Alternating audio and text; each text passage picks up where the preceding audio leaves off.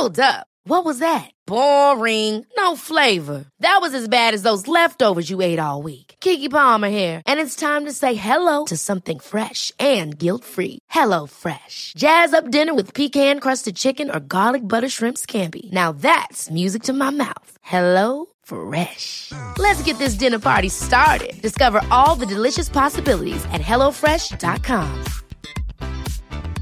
A lot can happen in three years, like a chatbot may be your new best friend. But what won't change? Needing health insurance. United Healthcare Tri Term Medical Plans, underwritten by Golden Rule Insurance Company, offer flexible, budget friendly coverage that lasts nearly three years in some states. Learn more at uh1.com.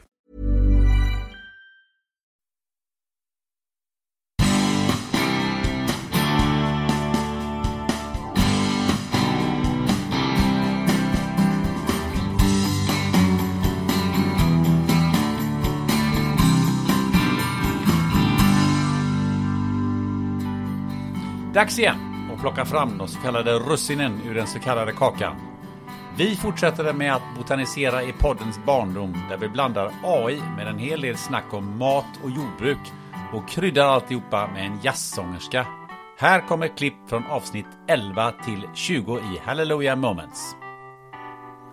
Vi börjar den här kavalkaden med AI-gurun Amer Mohammed som berättar om hur han blev personlig digital rådgivare till redaren Dansten Olsson det kan löna sig att bryta mot alla regler.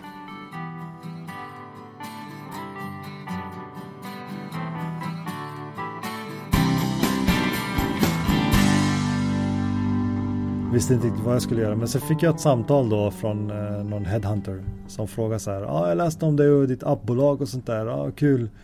Ja, Stena de behöver någon app-expert. Eh, Jaha, uh, okej. Okay. Ja, kan du tänka dig att jobba med dem? Alltså det, jag har varit entreprenör, aldrig jobbat för någon hela mitt liv fram till den punkten.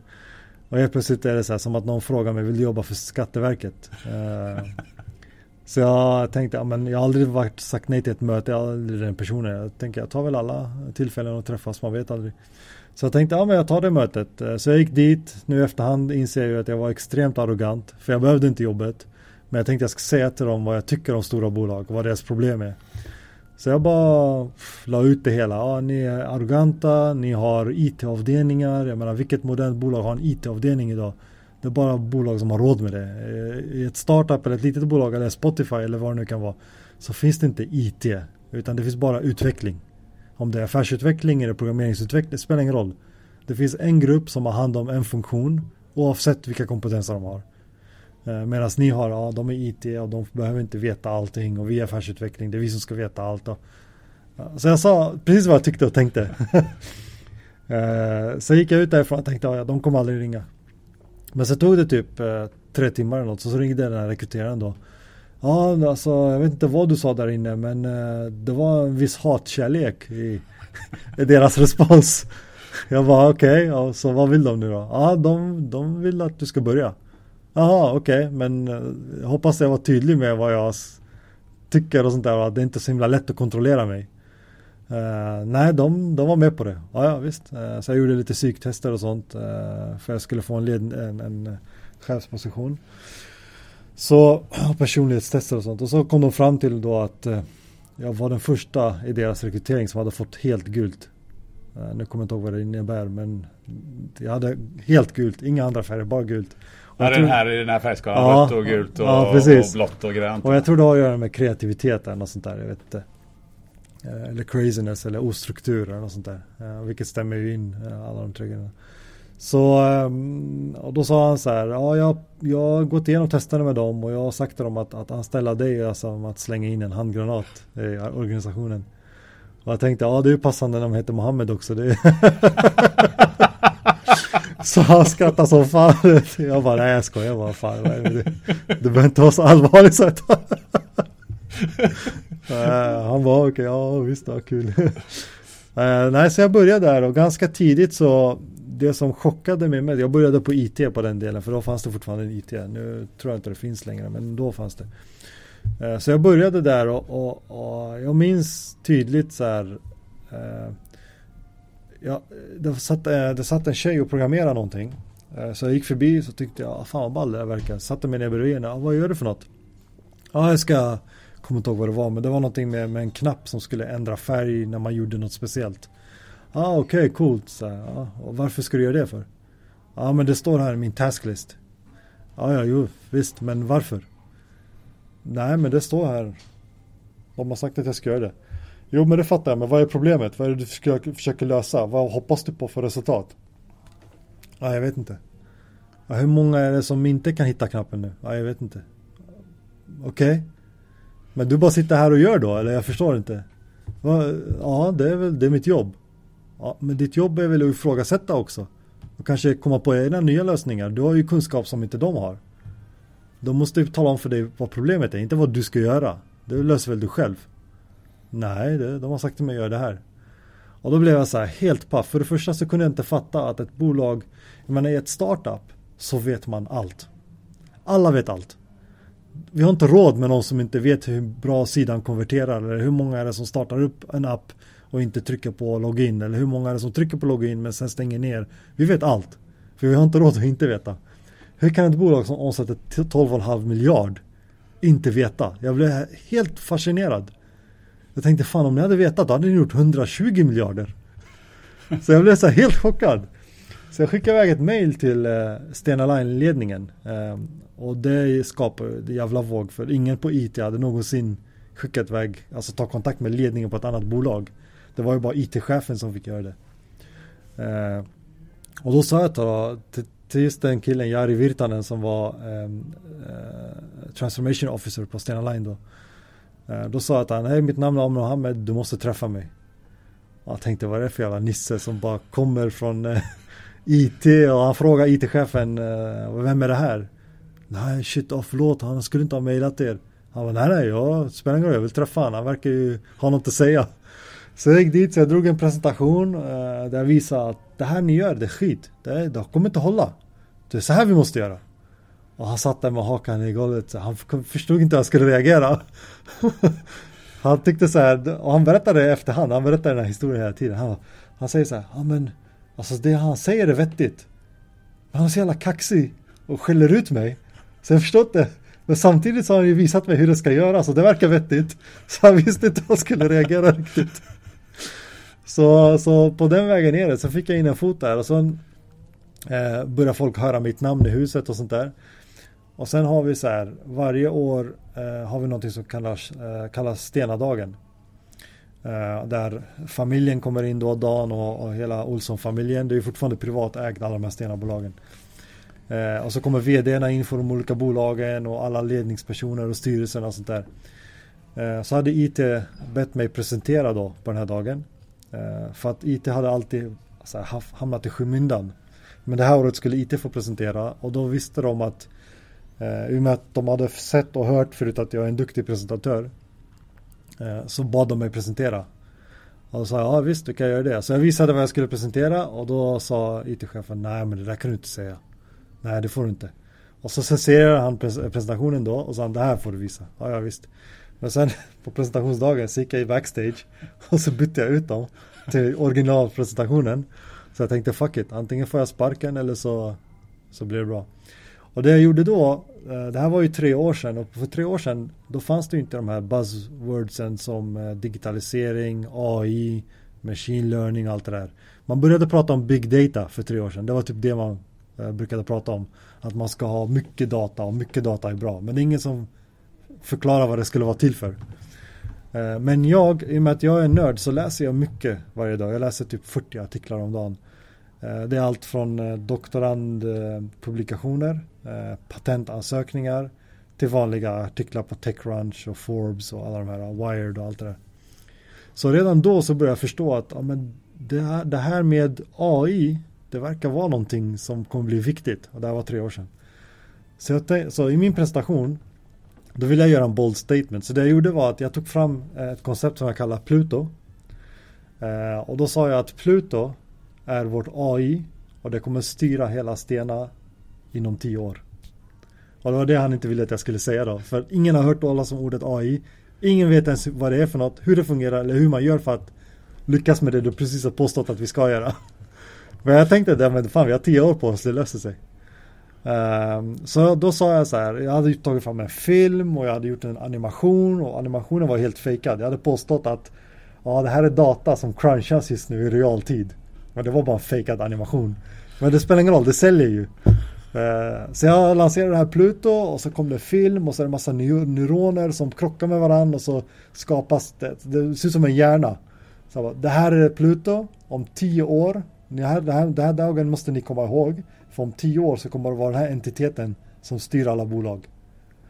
Och det blev helt jävla tyst i, i salen. Och så ser man IT-chefen, han tar sig glasögonen och så tittar ner så jag vet inte vad han bara vill, man ser hur han vill sjunka ner. Och så ställer, så går det där, det känns som det tog typ tre minuter men det tog kanske tre sekunder. Så ställer sig Dan upp, som är Dan Sten Olsson, ägaren av hela imperiet. Och så börjar han applådera. Det. Och jag menar om Gudfadern applåderar då måste alla andra också göra det. Så alla ställer sig upp och så applåderar. Ah, fan vad bra och vad häftigt och vad är det här för något? Och, ah, jag vet inte men vi löser det. Det är tio år på oss. uh, och sen på den vägen är det. Så nu efter det då fick jag erbjudandet från Stena Line då att börja hos dem som innovationschef. Um, och jag tog det jobbet uh, och så la vi ett budskap att 2021 så ska Stena Line vara helt assisterat av artificiell intelligens. Uh, och det som man skrattade åt för tre år sedan är ju verklighet idag. Så idag till exempel har Stena Line en Head of AI. Och det är det enda rederiet i världen som har det. Uh, han är doktorand i, inom artificiell intelligens. Det är ju snabbt marscherat på tre år kan man ju tycka. Ja, eh, bolag som man påstod inte kan ändra sig för att de har gjort samma sak i 60 år. Och då är det ju viktigt att man har stöd från högsta ort. Eh, det är ju skitviktigt. Eh, så efter den här presentationen så gillade Dan mig så mycket så jag blev ju hans digitala mentor. Robert Kronberg är mest känd som Sveriges bästa häcklöpare. Här pratar vi dock om hur han konkurrerade ut E-Type och gjorde succé som rockstjärna inför 100 000 åskådare.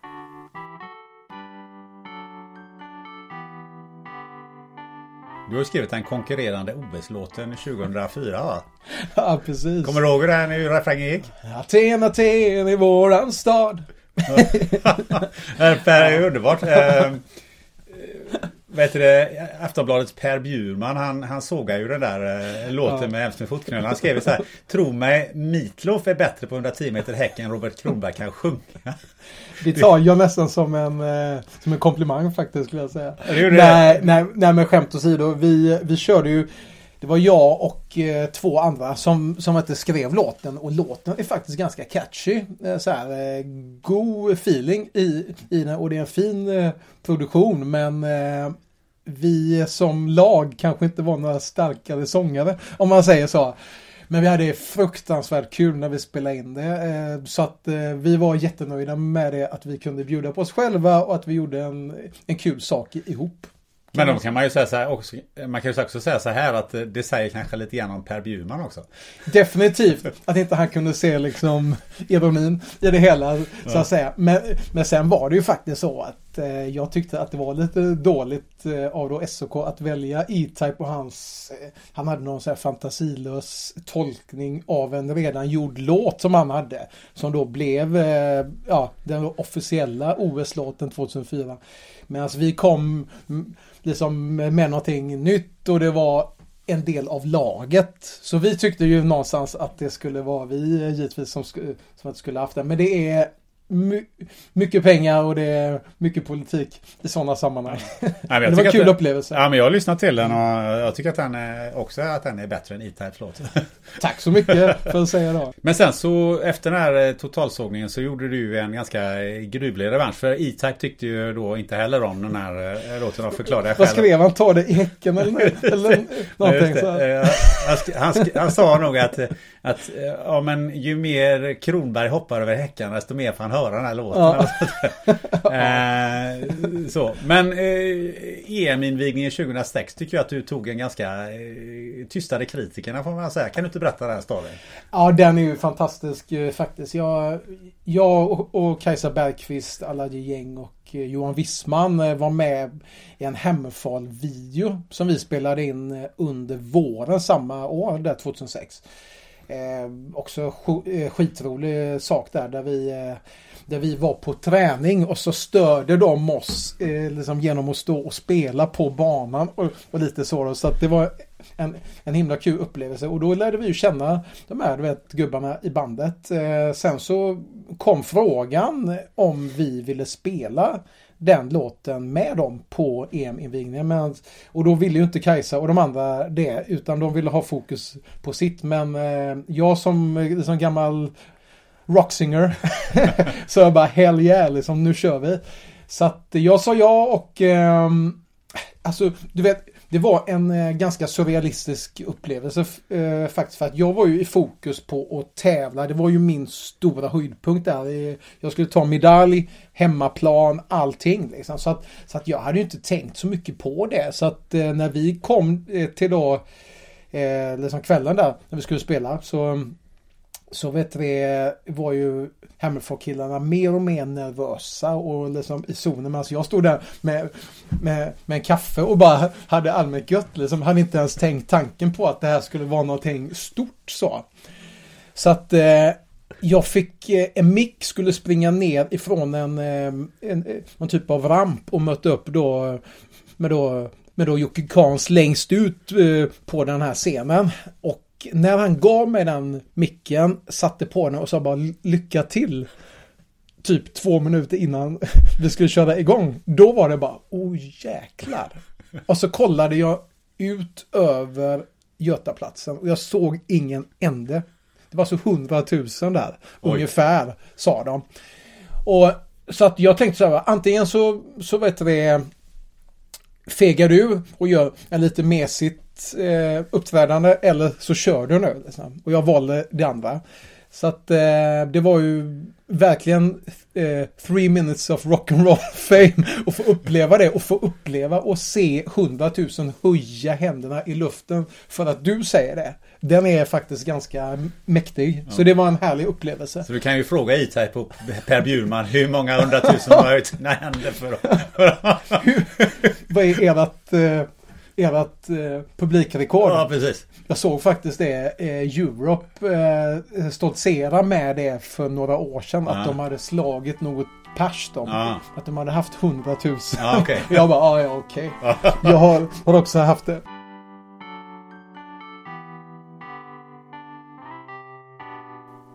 Samtalet med Röda Korsets generalsekreterare Martin Ernlöv visar hur varierande ett poddsamtal kan vara. Vi pratar både om att äta papper och att leva som man lär. Innan vi pratar om de här, eh, tycker jag, viktiga spörsmålen så har jag en helt annan liten fråga. Eh, jag tänkte höra med dig, hur smakar tidningspapper? Eh, du tänker på det här att jag i sena tonåren fick äta upp en recension av Niklas Wahlgren som jag skrev. Ja, hur gick det där till? Jo, nej men jag frilansade på i Alingsåstidningen där jag växte upp och lite på radion här i Västsverige när jag var i sena tonåren. Och så hade jag väl, jag hade lite kaxigt recenserat Niklas Wahlgrens första popplatta och som jag tyckte var usel. Och eh, så lovar jag väl någonstans där i artikeln att eh, om han fortfarande kan eh, göra konsertturnéer om ett år så lovar jag att äta upp den där artikeln. Och det kunde han faktiskt. Då har han varit med i min generation så känner vi till den gamla kultfilmen G.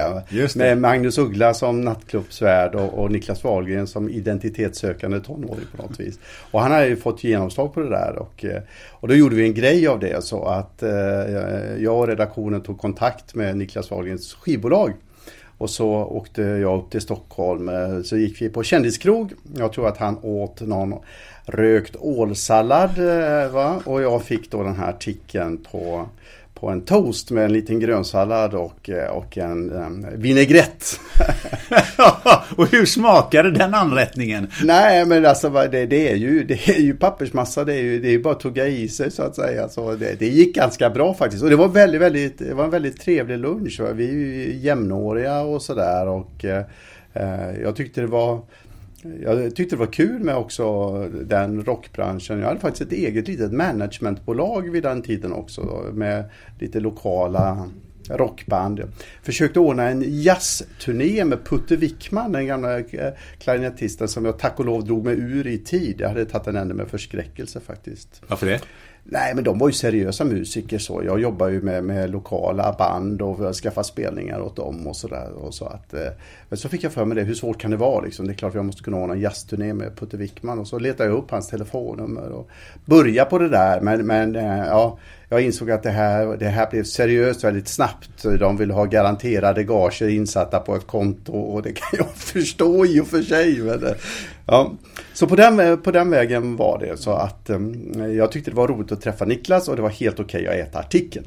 Ja, men det hedrar ju dig för att eh, du har ju faktiskt eh, eh, ätit upp eh, dina förlorade vad. Men eh, till skillnad från Annie Lööf då som lovade att äta upp sin eh, högersko eh, om hon skulle hjälpa till att se, eh, se till att eh, Stefan Löfven skulle bli statsminister. Så, och det har hon, eh, vad jag förstått, inte gjort. Ja, vi, får, vi får inspirera Annie Lööf då. Hon kan väl göra en, ett långkok på den där dojan och så får hon göra en grej av det. Och det kommer hon säkert i Skavlan med. Det kommer hon säkert, så det hade nog varit en bra grej. Frågan är om, man, om det är värt att äta upp skon. ja. Och Röda Korset ligger ju i Stockholm. Så det blir lite pendling för dig från, eh, för du är ju göteborgare och bor i Göteborg. Eh, och eh, bodde du på hotell då när du, de första månaderna? Nej, det gjorde jag inte. Jag, jag, eh, jag bestämde mig faktiskt för att eh, eh, flytta runt och försöka lära känna stan på ett annat sätt då. Så att Eh, jag bokade in mig och bodde en vecka i taget eh, via Airbnb. Så där man kan, ju, man kan via nätet då boka och bo hemma hos familjer faktiskt då, som hyrde ut ett extra rum. Och då, då valde jag att göra det i eh, några av de här stadsdelarna som vi brukar kalla för socioekonomiskt utsatta områden. Eh, som eh, Rinkeby och Tensta och Fittja och Husby och de här platserna. Eh, och jag tyckte det var, var, eh, det var jättenyttigt eh, eh, att, att vara där. Alltså, Eh, jag bodde en vecka i taget hemma hos folk. Ofta var det hos, hos ensamstående kvinnor med något barn som hade tagit tag i och de har ofta bra driv, mycket bättre än oss män tycker jag generellt ofta. Eh, och, och eh, helt enkelt gjort tomt ett rum i lägenheten och fått en del av sin hjälp med lite för, av sin försörjning. Och så bodde jag där och Eh, fick ändå en känsla vad det innebär att vara i de miljöerna och sådär. Och eh, precis som jag kanske någonstans ändå trodde så är ju det precis vanliga liv och precis vanliga tunnelbanestationer och eh, så nästan, nästan, nästan hela tiden. Sen ska man inte heller blunda för att ibland händer det eh, våldsdåd och att det finns en oro, inte minst hos föräldrar som har små barn eller tonårsbarn och sådär. Men, men ja, det var nyttigt. Du lever ju verkligen som du lär. Nej, men, man ska väl inte överdriva det heller. Jag, jag har ju i botten ett privilegierat liv och ett, ett, ett, ett, ett bra arbete och, och, familj och barn på trygga platser och sådär. Men, men jag tycker att det är generellt sett så är det bra att, att försöka skaffa sig så mycket eget intryck som man ändå kan. Va? Även när jag var på, på Bräcke diakoni så, så för, eh, jobbade jag i äldreomsorgen och på vårdcentralsreceptionerna minst fem dagar varje år. Och nu på Röda Korset så har jag varit eh, jag har varit med våra frivilliga ute på, på, på eh, pratat, pratat med eh, narkotikabrottshäktade på häktena, varit på förvar, jag har bott på, på natthärbärge, alltså försöka få ändå en liten känsla för vad det innebär utan att ha någon illusion om att jag därmed har all förståelse. Men man får i alla fall en liten egen bild. Va? Och det tror jag är viktigt då, i alla ledarroller. Att man har,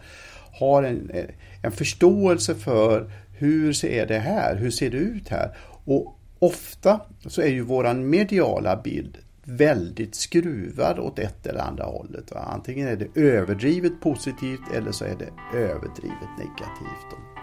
Då. Och då får man ju mer balanserad syn. Det tror jag är nyttigt. Hur skulle världen se ut om vi inte hade några kor? Svaret från Gröna Gårdars VD Märta Jansdotter kanske inte är det du förväntar dig.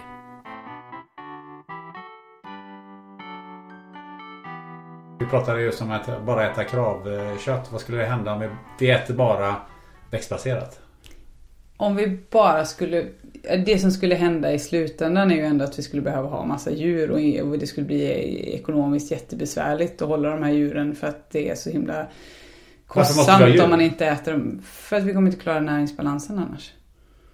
Vi kommer inte klara mångfalden som krävs med pollinatörer till exempel. Och sen är det ju så här, ja vi kan ju välja att inte äta nöt och lammkött till exempel men vi, och ha den typen av djur men du har ju fortfarande, vi måste ha maskar och insekter och pollinatörer i en, en, en vegetabilisk produktion. Alltså djuren kommer du inte ifrån, mikroberna i marken är också djur.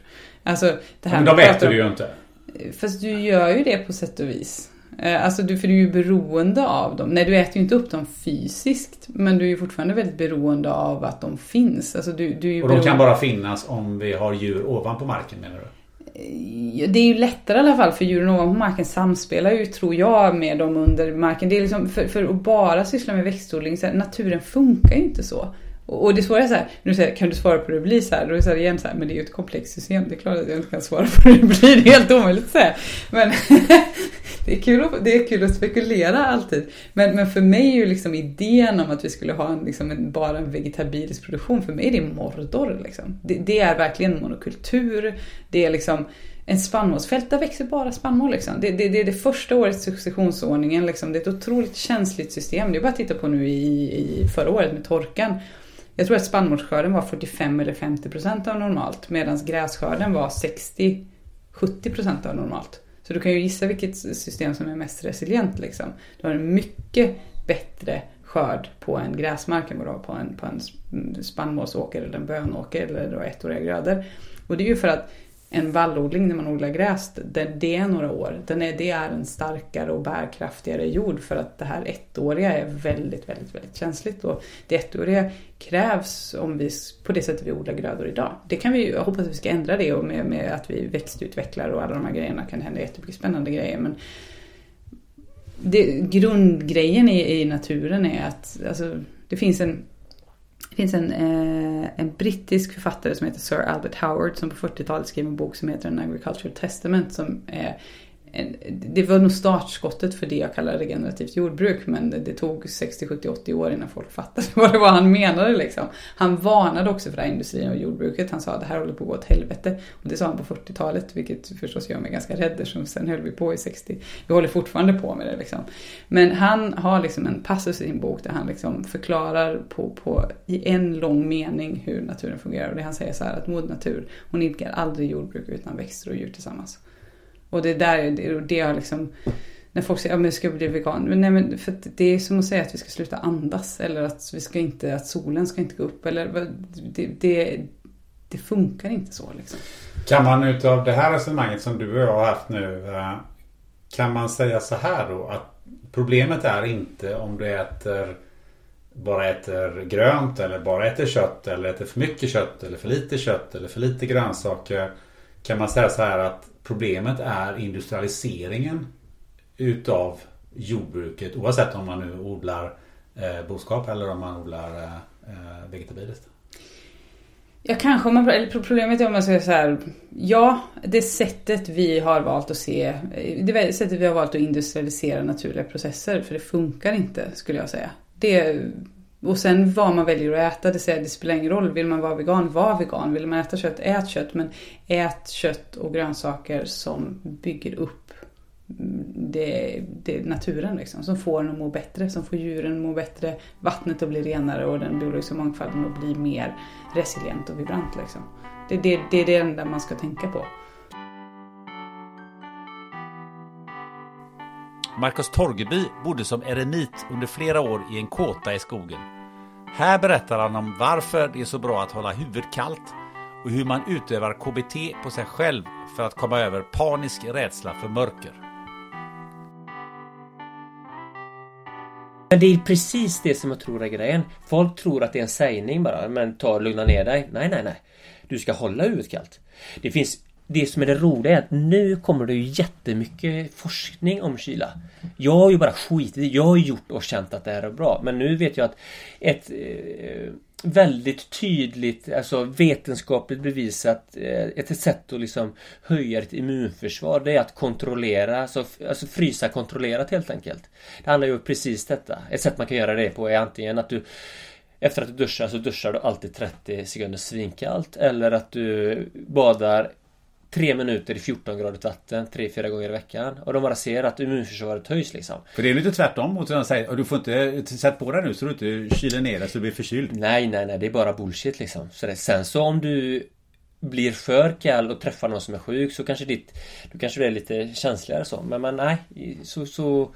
Jag tror på att... Eh, vi bor ju i Sverige. För du blev aldrig sjuk där? Jag var inte sjuk en enda dag. Inte en enda dag? Inte en enda dag. Inte en enda förkylning? Inte en enda förkylning. Det är rätt fantastiskt. Mm. Men ja, klart jag träffar ju inte så mycket folk eller. Men det är det man blir förkyld av. Ja visst, så är det. Nej men så, så jag tror ju på liksom hålla huvudet kallt och framförallt om det man har mycket tankar i huvudet. Det är klart, då ska du lugna ner dig. Och kyla hjälper ju alltid. Det är bara att till virus eller bakterier. Alltså när, när du... Liksom, det blir varmt när du har inflammation. Kyla. Det är ju bara shit, det är klart vi ska använda det. Det finns forskning från Harvard University. De ser när det är varmare 21 grader så har de sämre resultat på proven. Det är ganska intressant. Ja, och jag tänkte det här har jag ju kommit fram till tack vare att jag har testat liksom. Men det blir ju lite roligt nu när man ser att ja, det forskas på det och det... Och, och det är lite det här som jag också har lärt mig att men vi kan ju så mycket. Du vet, det gäller ju att släppa fram det som vi redan har. Så ibland behöver du bara stilla dig. Så, så vi kan ju sjukt mycket. Men det är som att vi hela tiden ska söka utåt. Men det finns något mäktigt också att få uppfinna sina egna hjul på något sätt. Sen kan det bli andra diken att man, man hittar egna sanningar som är bara bullshit liksom. Men för mig så har kylan verkligen varit väldigt, väldigt viktig. Men en annan grej du hade, det var ju mörker. Ja, fruktansvärt mörker. Herregud vad jobbigt. Varför var du var ruskigt mörker? Ja, ja, jag fick lägga mig under en gran ibland när jag var ute och gick och bara känna liksom stammen mot ryggen. Wow, vad skönt. Och sen så när jag gick ut så bara kände jag shit nu är det någon som börjar gå bakom mig här. Men vad, vad var du rädd för? Ja, jag vet inte att någon gick bakom mig och ville mig illa liksom. Är det människor framförallt du var Ja, rädd för? typ så. Något ondskefullt liksom.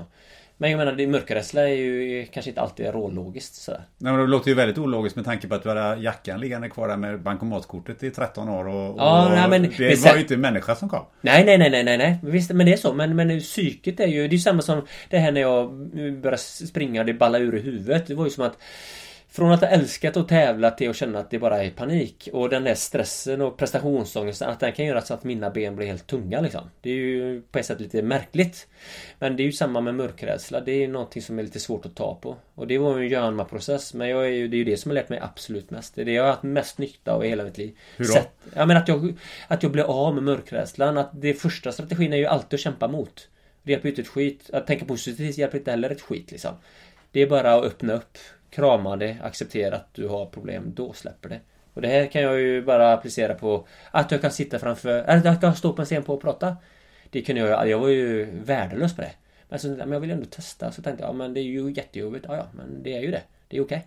Sen så du bara släpper. Du till exempel, vi säger att du har ont i knät. Ja men först måste du ju fatta att du har ont i knät innan du kan börja jobba. Ja, så börjar du jobba så blir du av med knät. Eller man har en dålig relation med farsan eller vad det nu är. Först måste man ju fatta att man har det, sen så är det bara att börja träna. Det är så enkelt då. Men jag tror det är naturliga för oss människor är att kämpa emot. Man ska kämpa och det gör jag ju också men jag har bara insett att okej nu känner jag så här. Vi öppnar upp istället. Lite som eh, troll i solsken liksom. Man, de behöver komma ut. Då ser man att ja, ja, det är jobbigt men det jag överlever. Men hur menar du öppna upp? För det låter ju väldigt enkelt. Nej, det var inte enkelt. Det var ju fyra månaders stenhård KBT liksom. Men det var som att helt plötsligt när jag insåg att, att det här bara försöka tuffa till sig. Jag tänker, ja men det är ingen fara liksom. Eller att, men hur, hur troligt är det att det går en mördare bakom mig? Det är inte troligt. Det var så de bilderna jag matade med, men jag kände det ju ändå. Och sen så när jag tänkte då, att men okej om jag försöker mer mata mig med ljusa tankar om att ja, men det är något, några änglar som går bakom mig och beskyddar mig. Liksom försöka tänka positivt, ja men det är inte så mycket att vara rädd över. Ja men det hjälpte ju inte heller. Och sen då i december efter fyra och en halv månad. Jag inser att ja men jag är ju mörkrädd. Och det är okej. Då var det som att det släppte. Det var som att jag verkligen släppte in det. Ja men jag är ju rädd. Det är ju skitjobbigt. Ja ja. Då bara plupp var det borta. Men det är lite samma sak som till exempel folk som är flygrädda. Ja, du får ju bara fatta att okej, jag är flygrädd och så gör man det ändå. Då släpper du. Men det är inte lätt. Men man får ju göra det. Men du kör den här KBT-träningen med dig själv. Jag har kört den stenhårt liksom. Men jag tänkte, men vad ska vad är alternativet då? Flytta in? Nej, det är det inte. Inte för mig. Hela, hela min grej att det blev fyra år, det var ju att jag ville hitta mitt huvud liksom. Och det är ganska intressant att se att en, när man hittar sin drivkraft hur... Jag förstår att folk som står utanför detta och som kanske lite har, har ett bra liv kanske inte riktigt förstår. Men, men drivkraften för mig var ju att hitta mitt eget huvud och den var ju så stark så även om jag har frysit sjukt mycket och varit nära att bli av med både tår och fingrar och, och näsan och ja men du vet så, så var ju det, det var inga problem. För drivkraften att hitta hjärtat på något sätt var starkare. Så just att hitta sitt driv är ju nummer uno skulle jag säga. Och framförallt en tid som denna när man har så mycket att välja på. Att verkligen hitta, men vad katten vill jag göra mitt liv? Och det är ju en tanke som är värd att tänkas tror jag. Och som jag tror är viktig. Och framförallt för unga människor. Det är väldigt många som ställer sig den frågan idag. Men ja. vad vill du egentligen då? Ja, men jag har ingen aning. Nej men då får man ju ta reda på det. Och hur gör man det? Jo, jag tror du behöver sätta dig i ett rum. Ett luftigt rum. Där du kan hinna grunna liksom. Du kan inte bara gå hem och kolla Netflix. Det kommer inte hjälpa. Ibland behöver du ha lite tråkigt. Gå ut och cirkulera så får du ta lite tid. För när du hittar det, då är det ju bara pff, grymt. Ja. Man måste inte alltid skrika högt för att protestera mot nazismen. Jazzsångerskan Amanda Andreas skrev låten Mjölk för att fånga dem som normalt lyssnar på visor. Men du skrev ju den vid något speciellt tillfälle? Mm. Jag skrev den efter eh, nazistdemonstrationen i Göteborg här 30, 30 september 2017 var det tror jag. Ja. Och eh, vi var ju ute och motdemonstrerade men eh, sen gick vi och satte oss på ett café och tog en cappuccino och liksom vardagen blev det blev vardag igen. Och eh, där började jag tänka att men herregud att jag inte gör mer. Utan då var det precis som att jag tänkte så här, ja men nu har jag gjort mitt, det blev inte så mycket demonstration, nu blir det bra. Och då fick jag lite dåligt samvete. Och jag kände det att hur kan det ha gått så långt? Nu demonstrerar ju liksom ett eh, nazistiskt parti i Göteborg. Och det finns, de var ju inte jättemånga men det var ju ändå några stycken och att, att den rörelsen liksom växer igen och det skrämde mig jättemycket. Och det skrämde mig också att vi inte har gjort mer innan dess. Och det var många unga som var med och demonstrerade i detta. Alltså, det var många unga som demonstrerade mot, men det var också många unga som demonstrerade med nazistiska åsikter och då kände jag bara, hur är detta möjligt? Och eh, i den frustrationen så eh, föddes låten av att jag kände att nu sitter vi här, dricker vårt kaffe med skummad mjölk och säger att ja, men vi ska göra allting, vi ska rädda liksom jorden fast imorgon. Nu dricker vi vårt kaffe. Ja, men det är ju en fantastisk beskrivning av eh, så som det säkert är för många. Mm. Att man har de här åsikterna. Ja, alltså man, man, man vet vad man borde och man ja. vet vad man vill och sådär. Men man gör det inte. Nej, man går och tar sin cappuccino ja. istället. Och så sitter man där och pratar och pratar och pratar är ju så bra. Ja. Alltså samtal är ju så bra men det är ju kul om de leder till någonting också. Eh, men jag tänkte på det, alltså när man lyssnar på den låten så är ju tonläget ändå ganska Det är ändå ganska lättsamt. Om man mm. tycker man har hört en del andra låtar när man, som är i den, i den genren så så är det ganska, kan det vara ganska rått och, och, och, och en ganska rå, rå och skitig mm. ton i själva ja. låten. Eh, hade du någon speciell tanke med det? Att, att, eh, att det skulle mm. finnas både den lättsamma och det här allvarliga budskapet? Ja, nej men jag älskar ju den kontrasten. Både för jag tycker att det ofta är så i livet. Och framförallt att, ehm, vad ska man säga, det finns ju så mycket coola artister och författare och allting som går ut med det här mer roa och det mer nästan liksom förhoppningsvis inte våldsamma men liksom ganska kraftfulla uttrycket. Och jag tror att de tilltalar många. Men jag tror inte de fångar alla. Utan jag är lite mera jag kanske också riktar mig inte bara till de som har förstått och är med och står längst fram i motdemonstrationerna och på barrikaden utan jag också riktar mig till kanske någon granne som inte säger så mycket eller någon någon eh, moster som har bra åsikter men kanske inte lyfter dem och sådär. Så jag ville nog med den här kontrasten också fånga människor som kanske inte sätter på en revolutionär låt varje dag utan sätter på lite jazz eller visa och sen fångas av texten efterhand. Hej, det är Ryan Reynolds och jag är här med Keith, co-star of my upcoming film If, only in theaters May 17 th Do you want to tell people the big news? All right, I'll do. it. Sign up now and you'll get unlimited for $15 a month in six months of Paramount Plus Essential Plan on us. Mintmobile.com slash switch. Upfront payment of $45 equivalent to $15 per month. Unlimited over 40 gigabytes per month. Face lower speeds. Videos at 480p. Active Mint customers by 531.24 get six months of Paramount Plus Essential Plan. Auto renews after six months. Offer ends May 31st, 2024. Separate Paramount Plus registration required. Terms and conditions apply if rated PG. Ever catch yourself eating the same flavorless dinner three days in a row? Dreaming of something better? Well, HelloFresh is your guilt-free dream come true, baby. It's me, Kiki Palmer. Let's wake up those taste buds with hot, juicy pecan-crusted chicken or garlic butter shrimp scampi. Mm. Hello Fresh. Stop dreaming of all the delicious possibilities and dig in at HelloFresh.com. Let's get this dinner party started. One size fits all seems like a good idea for clothes until you try them on. Same goes for healthcare. That's why United Healthcare offers flexible, budget friendly coverage for medical, vision, dental, and more. Learn more at uh1.com.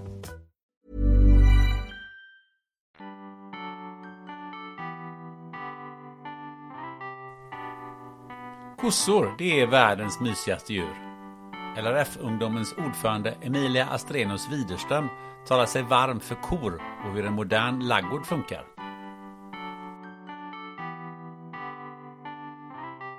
Eh, men till att börja tänkte jag fråga dig, vilket djur är världens mysigaste djur? Kor. Mjölkkor. Varför då?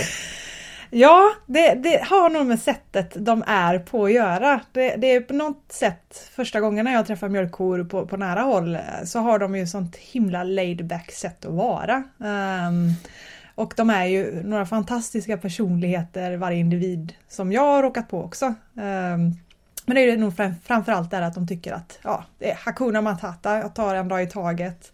Jag käkar, jag sover, jag umgås med mina kompisar och jag bryr mig inte så mycket egentligen. Det är kanske så många människor skulle vilja vara. ja men verkligen.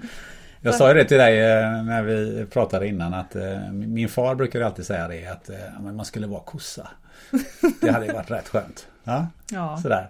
Men du, kan du inte berätta lite hur, hur ser det ut där bland, bland korna? Ja precis och jag, jag jobbar ju på ett ställe på halvtid eh, utanför Götene där de har en mjölkproduktion med mjölkrobotar. Och där korna lö, um, bor i en lösdrift kan man säga. Så de är, går ju fritt in, i laggården då tillsammans med sina kompisar och bestämmer själva när de ska gå och mjölka sig. Och för er som undrar hur en mjölkrobot ser ut så påminner väldigt mycket om en, eh, ja, men en industriarm på Volvo till exempel. Mm. Så det är en liten box kossan går in i och i den här boxen så finns det lite, lite mat som de tycker lite extra om. Och när kon går in så läser roboten av hennes halsband och för in den här Uh, industriarmen kan man säga, robotarmen under kon.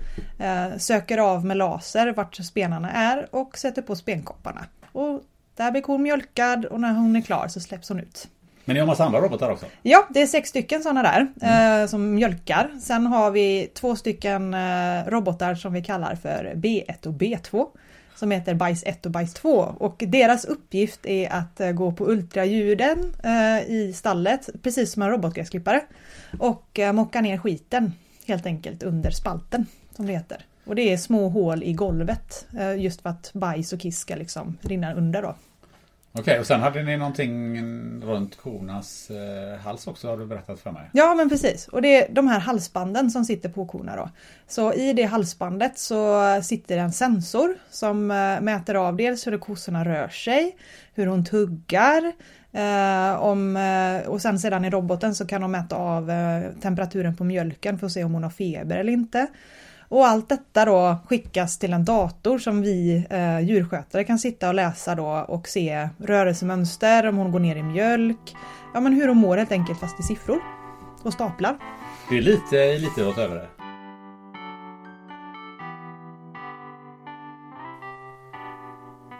Kit Karlsson är en legendarisk idrottsrådgivare som jobbat med bland annat Gunde Svan, Pernilla Wiberg och systrarna Kallur. Här förklarar han varför han inte kan tänka sig att jobba med fotbollsspelare och vad som är den största utmaningen hos elitidrottare. Finns det några kriterier som du säger att det här skulle jag aldrig göra? Ja, tyvärr så finns det en hel del fotbollsspelare som jag inte skulle kunna tänka mig att jobba med. Varför det? Nej, för jag tycker att de, de, eh, de, de tar inte reda på sin tid som fotbollsspelare för att jag, jag kan ta ett exempel nu då. Kim Källström som jag är så oerhört imponerad som personlighet. Som jag aldrig... Jag har sett honom spela fotboll i 15 år nu. Eh, och tyckte han var en duktig fotbollsspelare. Men den personligheten som han är vid Umix då här för någon vecka sedan. Jag blev djupt imponerad. Djupt imponerad. Och skulle våra fotbollsspelare vara så som han är, då skulle vi ha ett annan, annorlunda klimat på fotbollsplanen också, även om han var en tuffing. Eh, och han har liksom jag hade nog tänkt på det själv, att utbilda sig själv på ett sätt. Och jag tycker att eh, det finns många fotbollsspelare som kommer upp i åldern som jag inte skulle, orka jobba ihop med. För att de är... Nej, inte tillräckligt då, eh, ja, ödmjuka kan man säga. Eh, lite för egoistiska och... Det, det, sen finns det många som är bra som jag skulle vilja jobba ihop med. Det är, det är majoriteten som jag skulle vilja jobba ihop med då. Men det finns mer att ta utav så att säga. Men du har aldrig gett dig in i lagidrotten överhuvudtaget? Jag hjälpte Glenn Hysén när han var i Liverpool. Det var enda gången jag var med. Eh, Vad kommer det sig att det inte har blivit lagidrott? Ja, det, det man säga att det har någonting med fotbollen att göra. Det, det är det här med, med handeln. Alltså, jag har haft liksom någonting förutfattade meningar som vi pratade om. Eh, Men jag, jag har inte gillat det här med att sälja, sälja spelare till höger och vänster. Bästa budet. eh, Jag brukar säga så här, om, om man spelar i Liverpool, varför stannar man inte i Liverpool livet ut? För? Måste man gå till Real Madrid? Eller, du förstår vad jag menar? Ja. Varför är man inte nöjd med den delen? Om du tjänar 15 miljoner, vad du tjänar, måste du tjäna 17. Om du trivs i Liverpool. Och då är det en agent som driver då att flytta på det. Flytta och tjäna mer pengar, det får han tjäna mer pengar. Utan se liksom, trivs du bra? Kriterier, 10 kriterier. Trivs du bra? Trivs frun bra? Har du bra skola till barnen? Etc. Ja, det har, allting är skitbra. Och det är inte grönare i Madrid än i Liverpool. Och det är liksom det som jag har liksom emot fotbollen då. Det lilla jag har nu emot fotbollen. Så är det just det med Ja, för du har ju lite rötterna i fotbollen. Ja, det har jag det var verkligen. ganska Ja, naturligt Ja, ja, för dig att vara Ja, agent inom ja, ja, ja. Absolut. Och jag ångrar mig att att jag gav mig därifrån om man ska titta i backspegeln lite grann. Så att eh, det hade varit kul att vara kvar. Och eh, jag brinner ju för fotboll. Men jag tycker att den delen är lite... Att eh, som 30-35-åring söka ytterligare en utmaning fotbollsmässigt, absolut. Men söka pengarna även efter 10 år som professionell. Det förvånar mig. Om vi tittar lite eh, framåt här. Eh, Vilka utmaningar tror du dagens och kanske framtidens atleter möter utanför sin vanliga idrott som du har hjälpt dem med? Vad, vad tror du... Vilka utmaningar tror du de har framför sig?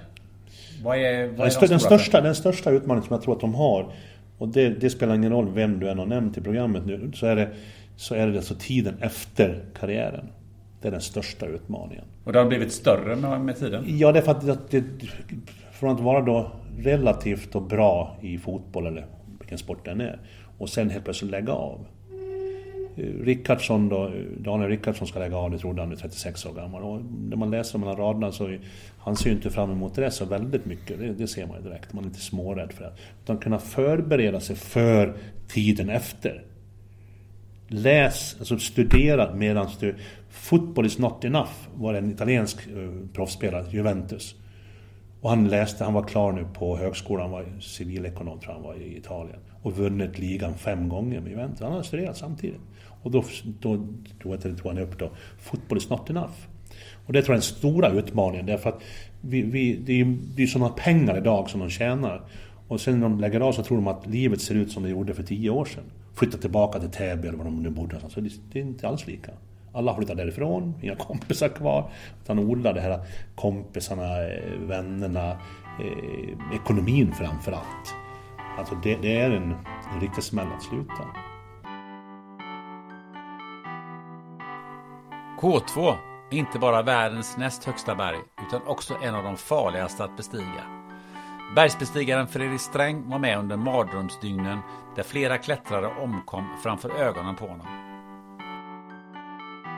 Och då var jag tvungen att ha bambupinnar som hade satts upp den vägen för att jag kan linda det runt så att annars så flyger bara repet bort. Repet skulle vi ha som skulle leda oss ner till lägret ifall det blir mörkt. För annars är risken att vi orienterar oss bort och inte hittar vägen ner och då förfryser vi under natten. Det var så mycket misstag som skedde de här sista dagarna. Och vi blev försenade när vi skulle gå mot toppen. Och jag kan tänka mig när folk har investerat så mycket tid och pengar och energi att nå toppen så slutar folk ifrågasätta vad som kunde gå fel. Och bara därför att det var en dag på miljonen, blå himmel och tänkte väl folk vad kan möjligtvis gå fel? Inget. Vi hade ju knappt någon rep, men det löste sig lite längre fram. Och det är en otroligt naiv tanke. Jag har aldrig knappt varit så besviken någon gång när jag ser liksom så många kompetenta människor samlas i basläge, komma överens om en plan och sen när man står där uppe och när det väl gäller då slänger man bara den planen rakt ut i fönstret. Jag vet när vi satt där, det är inspelat på video, hur vi tittar upp, vi är två timmar försenade minst. Det är total diskommunikation. Eh, no rope, no rope skriker folk. De sätter upp rep fel och vi har inte det, de utrustning som vi behöver för att göra vårt jobb. Så jag vänder om med Dr. Erik Meyer. Han säger bara “So disappointing” säger han. “So disappointing” säger han i videon. Så vi går ner i högsta läge och då säger jag innan jag går ner att ja, vi får väl förbereda oss på att...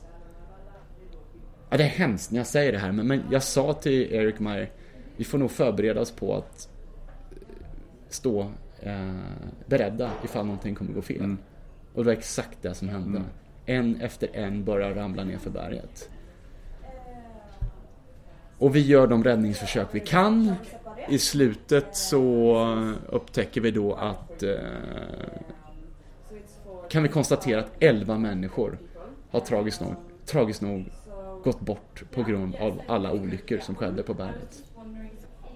Eh, det har ju gått nu ganska många år sedan vi var där och eh, det är klart att jag har gått vidare, förhoppningsvis har alla gjort detta. Men vissa sår läks aldrig riktigt. Um, och K2 var en sådan grej jag, kunde, jag trodde kunde, jag kunde, kunde lägga åt sidan. Men insåg sen då efter att ha gått till KBT KBT-terapi att jag led av PTSD. Posttraumatisk stress. Jag kunde alltså vakna mitt i natten, kallsvettig, med hjärtat i halsgropen, hyperventilera, panisk och trodde jag skulle dö. Kröp till toaletten och spydde. Och då var jag hemma i säkra Sverige. Och det skedde natt efter natt? I princip, under en lång tid. Medan jag var på berget så kände jag mig relativt trygg. Det här är ju helt, eh, är helt galet. Så ska det ju inte behöva vara. Och eh, jag insåg det efter mycket slit att eh, en av de kanske viktigaste terapiformerna där, det är att hoppa upp på hästryggen igen. Och det beslöt jag mig för att göra då 2017. Alltså det var inte så att jag slutade klättra 2008. Jag menar det var ju väldigt många andra 8000 meters berg jag var på. Men just K2 hade jag ju då i den här eh, tumulten och hur desorienterad jag var och, och hur pass hur hemskt det var lovar jag min familj att aldrig återvända. Och det är klart att här har det väl skett en olycka någonstans så går man ju runt och skyddar det. Har du en skadad tumme så, så skyddar du den lite extra. Det betyder ju inte att den kommer skadas igen. Men du skyddar den lite extra. Och samma var det väl också för mina föräldrar och att bara du inte åker dit så kommer allting bli bra. Men många av de klättringar jag varit på har egentligen varit tuffare. Tycker jag, än vad K2 kommer att bli det var aldrig min kondition eller min kunskap eller min eh, färdigheter som var liksom den felande länken utan shit happens. Och då gäller det att vara kall och vända om i tid. Och det beslutet gjorde jag 2017. Det var dåligt väder, det var lavinfarligt. Jag gick ner igen. I somras var jag tillbaka till K2. Det var inte rätta förutsättningar, vi gick ner igen. Och nu åker jag tillbaka nu i sommar en fjärde gång. Fjärde gång. Har Berget, varit... berget ska bestigas. Ja, eller åtminstone ge, ge det den chans som jag tycker jag förtjänar. Och då har jag sammantaget varit där åtta månader. Åtta månader har jag varit på berget i så fall, när jag har varit där i sommar. Det är ganska lång tid på ett berg. Helt otroligt. Men jag tänkte på det, jag, såg, jag har ju sett en filmsekvens där ni transporterar ner en död person från, från berget. Eh, och så sker det en olycka och det är en, en av era, de som håller emot där, eh, bara kanar rätt ner för vad det ser ut som ett stup eller en, en, en lång bergssida. Och det får ju, eh, när, jag, när jag ser det på på, ehm, på film så, så får man ju den där, alltså det är så det vänder sig i mig. Det du har sett, jag vill bara, um, det är viktigt också att lyssnarna eh, får korrekt bild. Det är inte jag som har filmat det utan det är en eh, eh, återskapning, mm. eh, rekonstruktion. Så det är inte autentiskt filmmaterial. Okej, okay, det ser väldigt autentiskt ut. Ja, det är alltså en, eh, det är en dramadokumentär där de har spelat in då i Alperna eh, en scen efteråt. Så det är ingenting som vi har stått och filmat utan det är någonting man har gjort efteråt, rekonstruerat. Det du säger här, ja det stämmer väldigt mycket det du säger. Eh, vi gick upp för att försöka rädda livet på Dren Mandrik. Som föll från Bottleneck, traversen, ungefär 200 meter. Och när vi upptäckte honom med kikare så var han fortfarande vid liv, han rörde på sig. Så jag på 8000 meter ungefär började på att springa upp mer eller mindre för att försöka rädda livet på karln och Dr. Erik Mayer kommer tågande efter. Jag var så sjukt stark då minns jag och, och, jag tänkte knappt på hur snabbt det gick. Men jag kom ju upp dit på nolltid för jag, det var bara en sak i huvudet. Det var att rädda karln liksom. När jag kommer upp dit så ser jag liksom att det är någonting som är fel.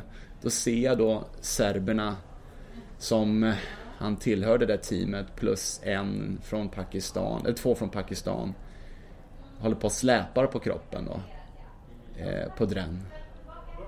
Och då inser jag liksom att det är för sent. Och, och det, det, är så här... Jag blir så förbannad liksom att... Eh, det behövdes verkligen inte. Han skulle precis passera Cecilia Skog från Norge runt det fasta repet för han ville gå förbi henne.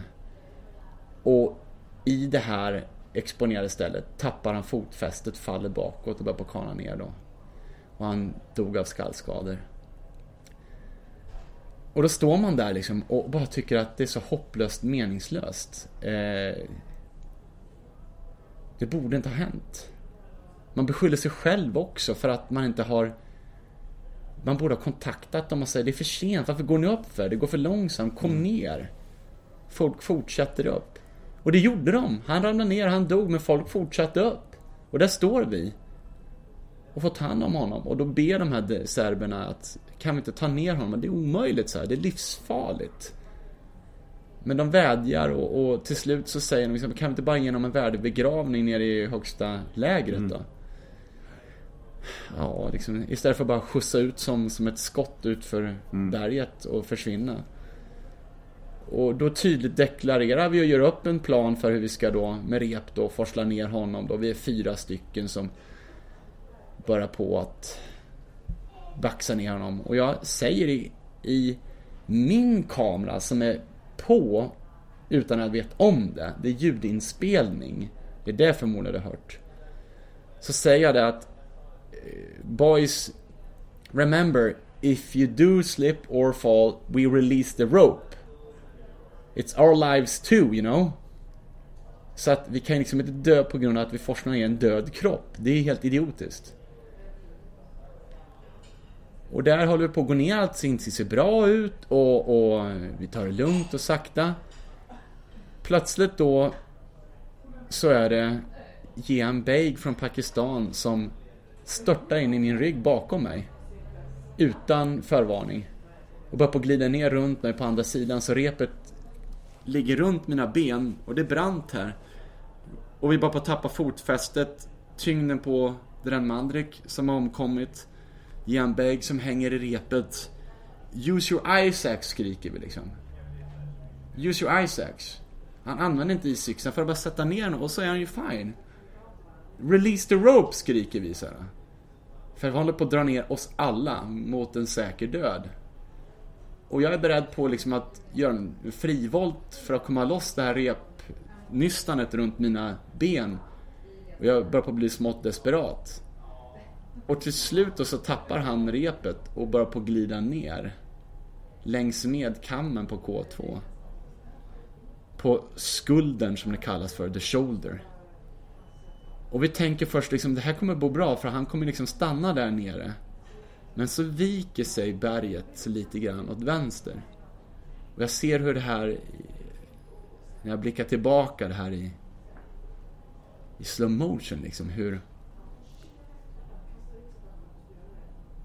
Man tror inte det är sant. Man, man, man, vill, man, man vet vad som kommer hända men man försöker förneka det man precis är vittnesmål till. Hur han flyger ut då, mm. utför ett stup som är 200 meter rakt ner i en glaciär. Liksom. Och, och, och då är han borta. Var orsaken att han fick, att han svimmade eller fanns, fanns det någon sån eh, orsak till att det hände?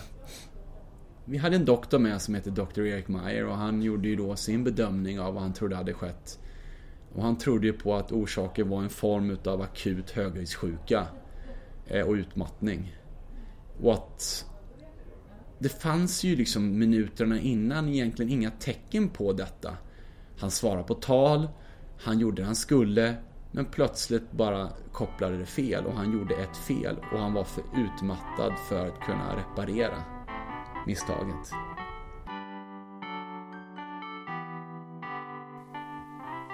En entreprenadmaskin som du kan lufttorka och äta upp.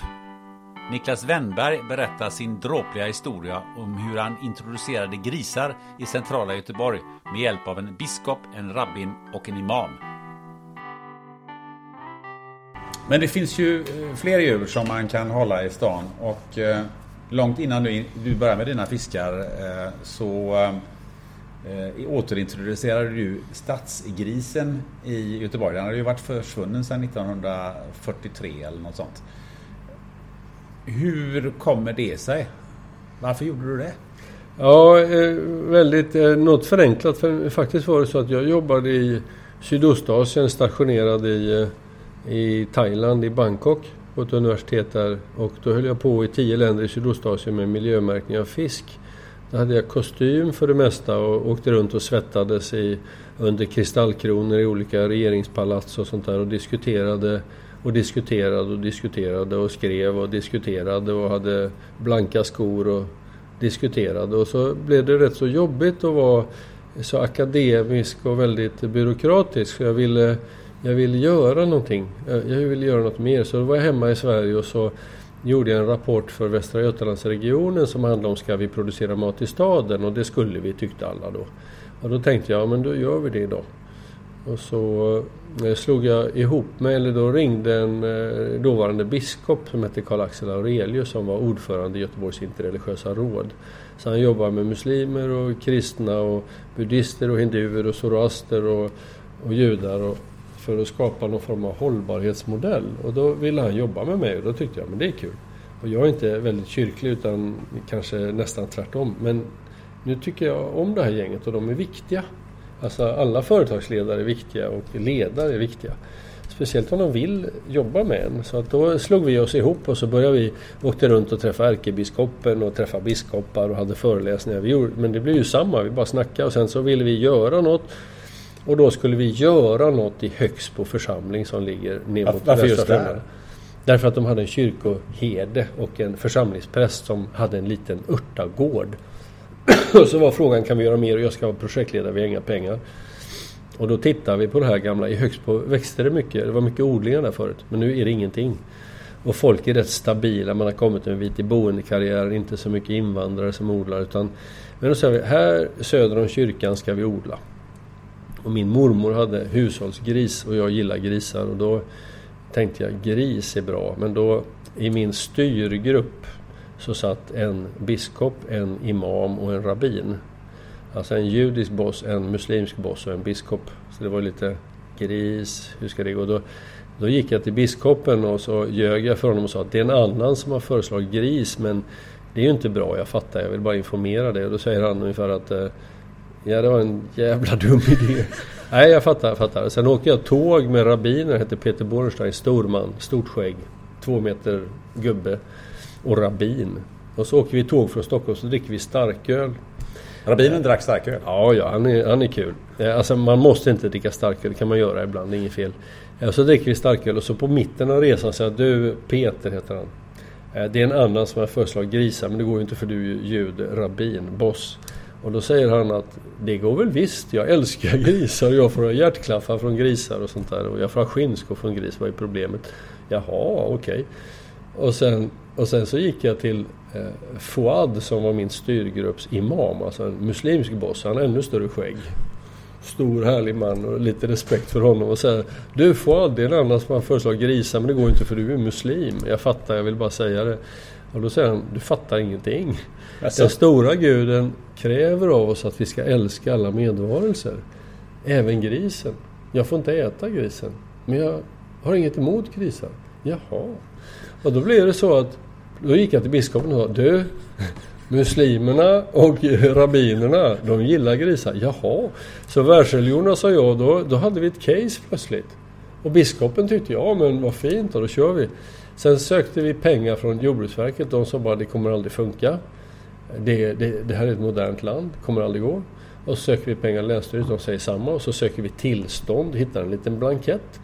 Fanns det blankett för gris i, i Ja, centrala? någonting. Väldigt konstig blankett kan jag säga. Och så får vi ut tre inspektörer. De, de går runt en timme och är helt knäpptysta och nervösa. Och så frågar jag liksom, har jag sökt på ett formellt korrekt sätt? Och kan ge ett förhandsbesked? Får jag ha tre slaktgrisar eller inte? Och då säger en av tjejerna att Senast, eller vi är födda på 80-talet alla tre och senast någon sökte var 1943. Så vår erfarenhet är ringa, vi ber att få återkomma. Då fattar vi att det gick åt helvete liksom, det gick ju inte. Så ringer deras chef på kvällen till mig och säger att eh, du får tillstånd att ha tre slaktgris och du kan uppkalla dem efter våra tre inspektörer. Och det, och det gjorde du? Nej. Sen hade vi en, det finns en tjej som heter Anna Mannheimer. Ja. Eh, och, eh, och sen en, en skånsk komiker, vad heter hon som är helt rolig? Anna-Lena Brundin. Mm. Så jag ringde dem och frågade, kan ni vara vår namnkommitté för vi ska ha grisar? Ja men det är kul. Anna-Lena älskar grisar, Anna Mannheimer är också kul. Så var de namnkommitté så fick högst på barnen komma med förslag på tre grisnamn. Och då vann förslaget eh, Sötnos, Voven Voven? Ja, Sötnos, Voven och vad hette den tredje snofsen? Och då, då vann de för att då sa, sa Anna Mannheimer och Anna-Lena Brydin att den här namnsviten är helt okorrumperad av klåfingriga dagisfröknar. Den kan ju inte heta Voven, den måste heta Pricken. Utan det blev Sötnos, Snofsen och Voven liksom. Nej, måla Sötnos och Voven, det var ju kanon. Så de, och sen så eh, biskopen signerade hörnstolpen och vi hade ja, massa grejer. Så att där var vi, då började vi med grisar och då markerar vi att vi har inte grisar som ett spektakel utan vi har grisar för att utveckla en modell där eh, djur, eh, det kan vara grisar eller hönor eller senare vattenlevande grisar, fiskar, äter stadens avfall och ger mat till staden.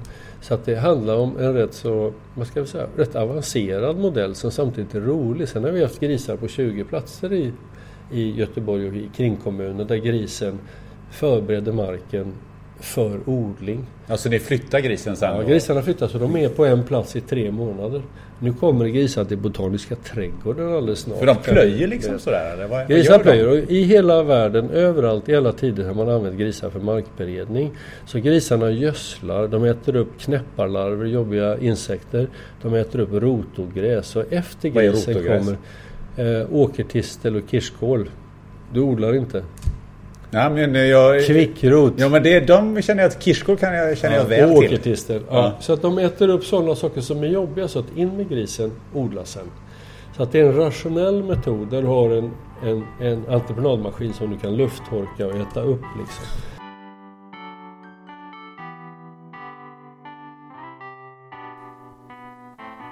Är du sugen på att höra mer eller utforska andra avsnitt? Då är det bara att gå in i någon poddapp som exempelvis Spotify, söka på spännande möten och hitta det du är intresserad av.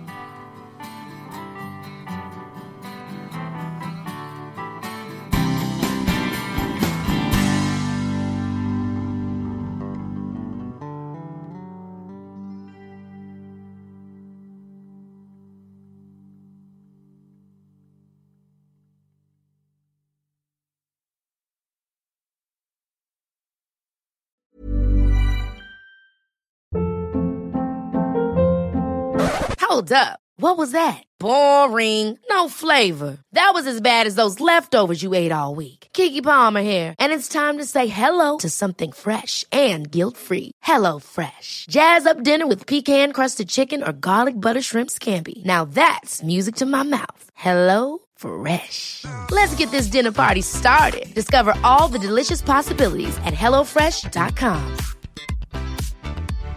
Hi, I'm Daniel, founder of Pretty Litter. Cats and cat owners deserve better than any old fashioned litter. That's why I teamed up with scientists and veterinarians to create Pretty Litter. Its innovative crystal formula has superior odor control and weighs up to 80% less than clay litter. Pretty Litter even monitors health by changing colors to help detect early signs of potential illness. It's the world's smartest kitty litter. Go to prettylitter.com and use code ACAST for 20% off your first order and a free cat toy. Terms and conditions apply. See site for details.